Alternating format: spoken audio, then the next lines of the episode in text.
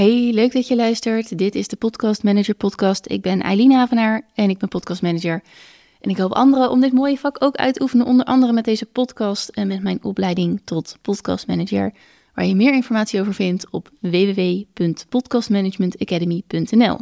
In deze aflevering wil ik je een idee geven over hoe ik een videopodcast editen aanpak. We krijgen er steeds meer mee te maken. Ik zat laatst ook te tellen. Ik heb zes klanten waarvan vier videopodcasts hebben is best opvallend.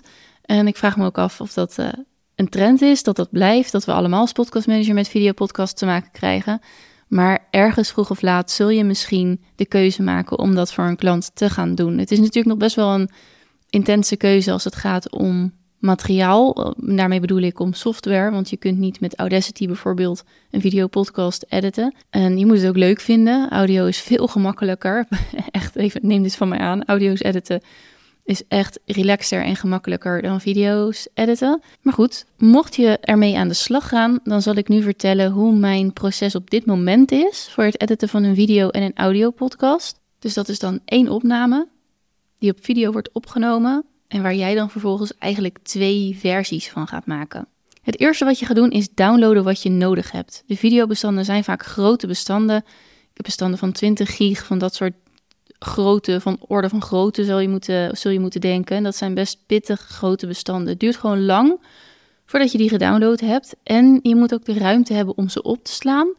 En de ruimte op je computer hebben om er vervolgens mee te werken. Want anders slaat die gewoon compleet vast. Maar denk ook aan je projectmanagement. Dus de bestanden die je nodig hebt, die download je. Misschien is het één videobestand en that's it.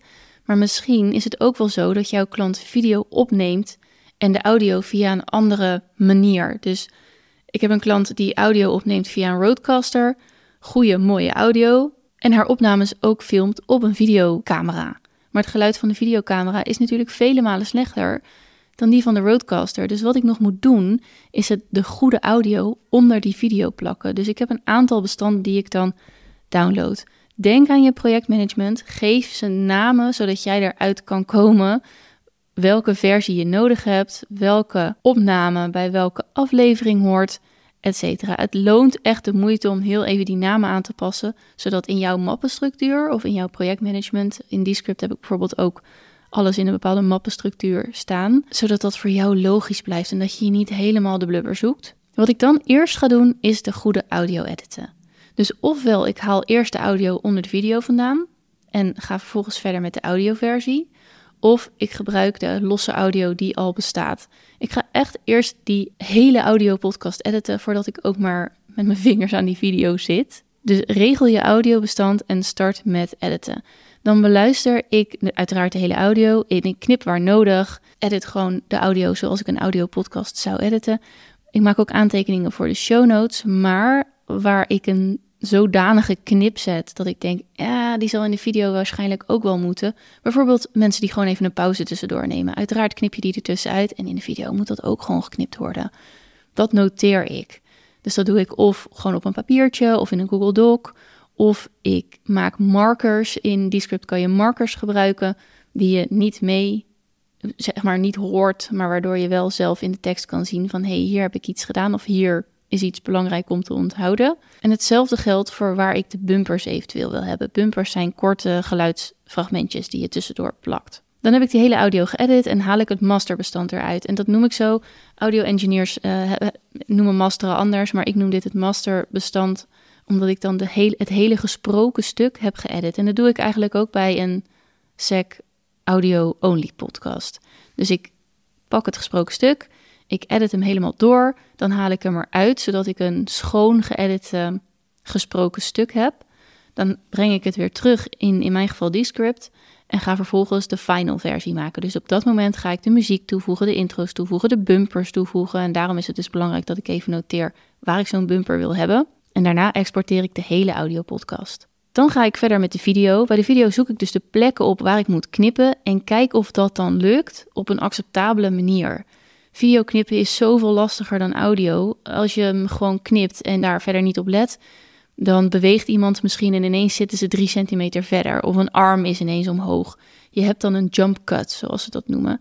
En in de shorts tegenwoordig is het de trend dat dat helemaal niet meer erg is. Het moet ook korter, korter, korter. Dus dat je jump cuts hebt, ja, dat is geen probleem. Maar toch, voor een langere videopodcast vind ik dat nog steeds niet acceptabel. Dus ik kijk of het lukt zonder al te heftige jump cuts. En soms doe ik verschillen van een camerastandpunt. Dus dan breng ik ineens even één iemand alleen in beeld. Of juist degene die niet aan het praten is. Zodat je wel kan knippen, maar nou ja, niet de knip ziet. Je zorgt er dus voor dat het een smooth overgang is. Dat kun je ook doen als je denkt van ja, het lukt me echt niet om hier normaal iets van te maken.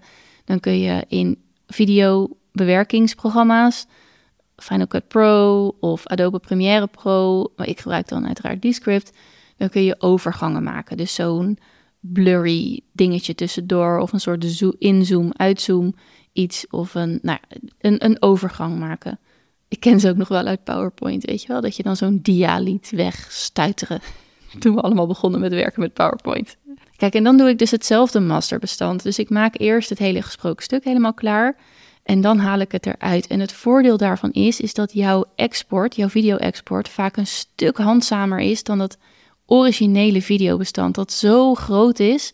En als jij hem dan exporteert in een wat handzamer formaat, dan lukt het werken met dat bestand ook veel gemakkelijker. Dus als ik daarna dan de intro en de outro weer ga doen en de muziek goed ga zetten, dan werkt dat gewoon een stuk makkelijker. Dan hoeft mijn computer ook niet zo hard te werken, omdat ik dan met een veel kleiner bestand, dat nog steeds heel scherp en goed is, aan de slag ga. Let wel, op YouTube komt ook niet die 20 gig tevoorschijn. Daar wordt al, al zou je die 20 gig uploaden, dan comprimeert YouTube dat ook nog. Dus er komt altijd al een kleinere, gecomprimeerdere, gecomprimeerdere hm, versie op YouTube te staan. En dan vervolgens met dat nieuwe aangevulde masterbestand heb ik ook het final video bestand dat ik dan eruit gooi, dat ik exporteer en dat upload ik dan vervolgens op YouTube. En als het gaat om clips of audiograms, dan ga ik dus weer met het master video bestand aan de slag. En dan ga ik dat selecteren en die clips en die audiograms eruit halen. Dus eigenlijk drie grote momenten na het downloaden van alles wat je nodig hebt en het goed opzetten van je project met de juiste benamingen. Doe ik eerst volledig de audio, dan volledig de video en daarna ga ik clips en audiograms maken. Ik hoop dat je er wat aan hebt. Als je video podcast gaat editen, super veel succes. Het is echt leuk om te doen. Uh, maar het, ja, je gaat weer allemaal nieuwe dingen leren. Super veel succes. Dankjewel voor het luisteren en tot de volgende.